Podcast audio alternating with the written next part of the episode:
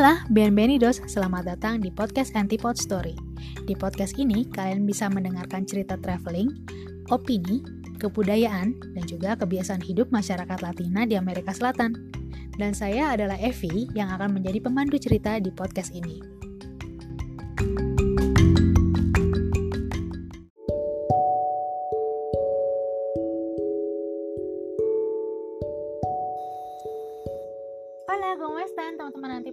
Apa kabar semuanya? Wah, kita sudah memasuki hari terakhir di tahun 2020. Gak kerasa ya? Berasa cepet gak sih? Atau berasa lambat? Atau biasa-biasa aja? Kalau buat saya sendiri sih tahun ini ya biasa-biasa aja. Tidak terlalu mengecewakan, tidak terlalu membahagiakan juga. Ya, tidak terlalu membahagiakan ya karena kita tahu lah ya, kita mengalami semuanya, mengalami pandemi. Uh, kalau saya sendiri sih pandemi ini walaupun dengan adanya karantina gak mengubah banyak gaya hidup saya karena udah biasa di karantina gitu ya karena tinggalnya di desa tinggalnya di gunung jadi ya biasa-biasa aja. Cuma paling membedakan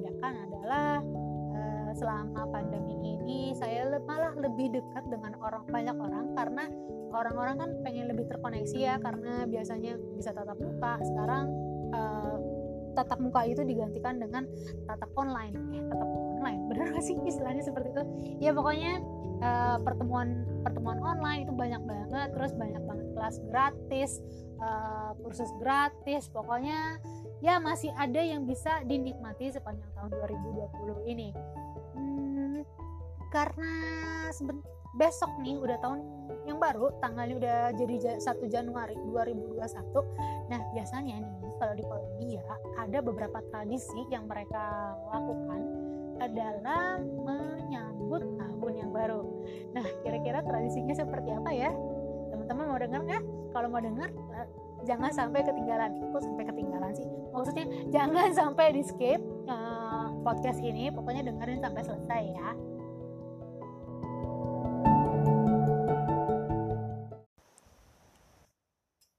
Tradisi unik pertama yaitu memakai pakaian dalam berwarna kuning. Kenapa kuning? Ya kayaknya nih orang Kolombia punya kecintaan tertentu sama warna yang satu ini. Contohnya nih bendera mereka aja ya warnanya kuning dan juga warna kuning ini kan melambangkan emas ya. Terus juga ada simbolnya juga nih. Ternyata warna yang satu ini melambangkan harapan, kebahagiaan dan juga cinta. Nah, oleh karena itu, biasanya sebelum malam tahun berganti, eh, orang-orang Kolombia akan memakai pakaian dalam berwarna kuning, tapi memakainya tuh harus terbalik. Kenapa terbalik? Karena biar efeknya tuh makin bagus gitu.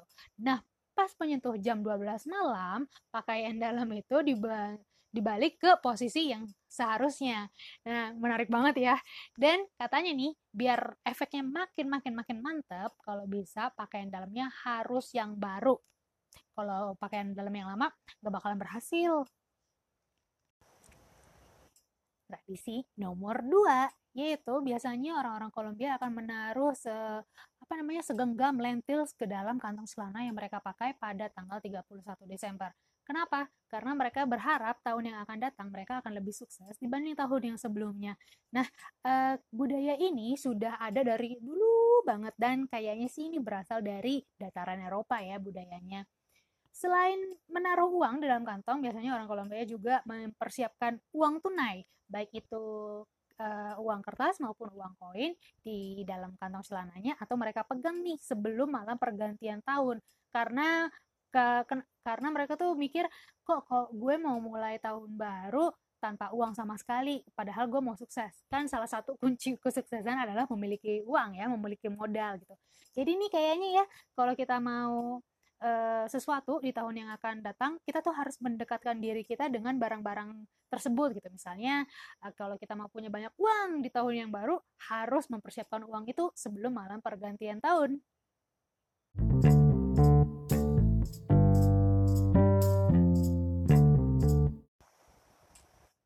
Ternyata ya, baru kusadari kalau orang Kolombia itu syarat akan simbol. Contohnya nih, tradisi nomor 4 kalau mereka ingin sekali berpergian uh, untuk traveling ke mana saja yang mereka inginkan pada tahun yang baru, maka pada pas jam 12 malam pergantian tahun baru itu, mereka harus keluar rumah membawa koper. Kopernya boleh kosong terus mereka tuh jalan-jalan gitu deh di depan rumahnya gitu.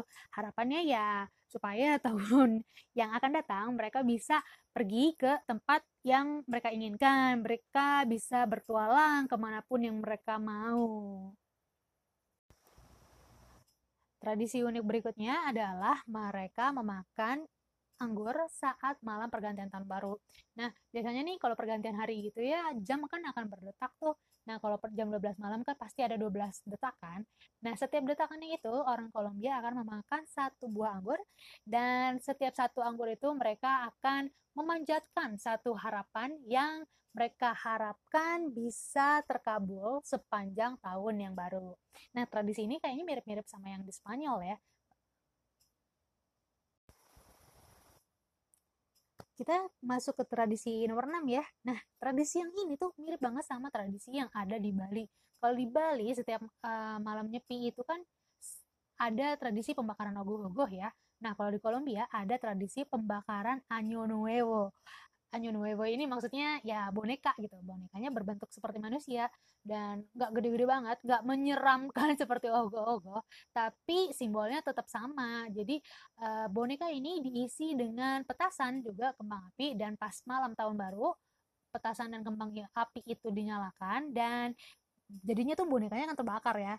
Nah ini tuh simbolisasi dengan uh, apa ya harapan apa-apa yang sudah terjadi di masa lalu itu hilang sudah gitu ya kita memulai lembaran hidup yang baru dengan sesuatu yang bersih mirip banget kan ya sama ogo-ogo lazim banget ya orang-orang tuh kalau menyambut tahun baru pengennya semua serba positif. Nah, tradisi nomor 7 orang Kolombia ini cukup menarik. Karena kalau mereka ingin positif nih ya sepanjang tahun, pas pergantian tahun baru, mereka tuh harus melangkah dengan kaki kanan terlebih dahulu. Jangan kaki kiri, nanti dianggapnya tuh bakalan sial sepanjang tahun. Hei, serem ya. Asal tahu aja nih, kalau Kolombia itu merupakan salah satu negara yang industri agribisnisnya cukup kuat. Nah, makanya nggak mengherankan kalau tradisi nomor 8 ini syarat banget, kental banget dengan tradisi pertanian. Kenapa? Karena pas malam makan malam jamuan makan malam akhir tahun biasanya tuh meja makan dihiasi dengan berbagai macam gandum. Kok berbagai macam ya? Maksudnya banyak sekali dekorasi yang berhubungan dengan gandum. Nah biasanya tradisi ini dijalankan oleh masyarakat di rural area di daerah pedesaan karena mereka tuh berharap di tahun yang akan datang eh, panen mereka tuh juga sukses gitu. Jadi mereka bisa makan terus gitu. Karena kan gandum uh, sumber makanan ya. Jadi mereka berharap banget tahun depan mereka nggak kekurangan bahan makanan.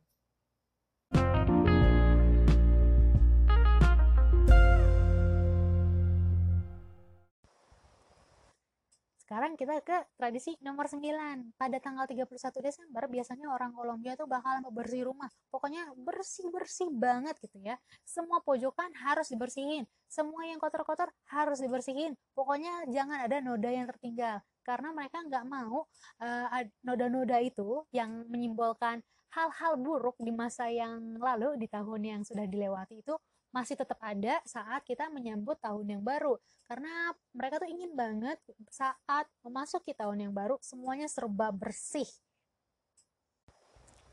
Masih berhubungan dengan bersih-bersih nah tradisi yang satu ini adanya tuh lebih di Baja de Cauca atau yang provinsi Baja de Cauca biasanya orang-orang di sini tuh bakalan pergi ke sungai untuk membersihkan diri.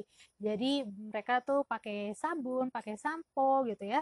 Terus uh, berendam deh tuh mereka di sungai. Semua kotoran diharapkan tuh bersih, bersih, bersih hilang gitu. Jadi uh, mereka bisa menyambut tahun yang baru dengan keadaan keadaan yang sangat bersih dan energi-energi negatif di tahun-tahun yang sebelumnya tuh hilang sudah.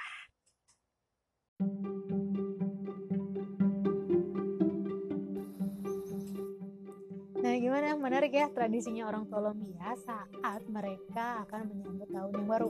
Kalau teman-teman nanti post story sendiri kayak gimana? Ada punya tradisi tertentu nggak? Atau pernah dengar tradisi unik dari negara lain? Kalau memang punya ceritanya, bagiin dong di akun Instagram saya yaitu @evi.d.colombia.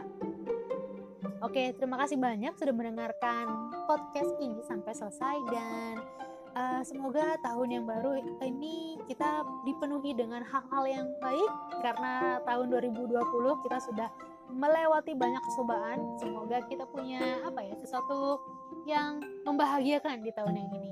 Pokoknya all the best buat pendengar anti post story dan sampai ketemu di podcast podcast berikutnya. Hasta luego. Ciao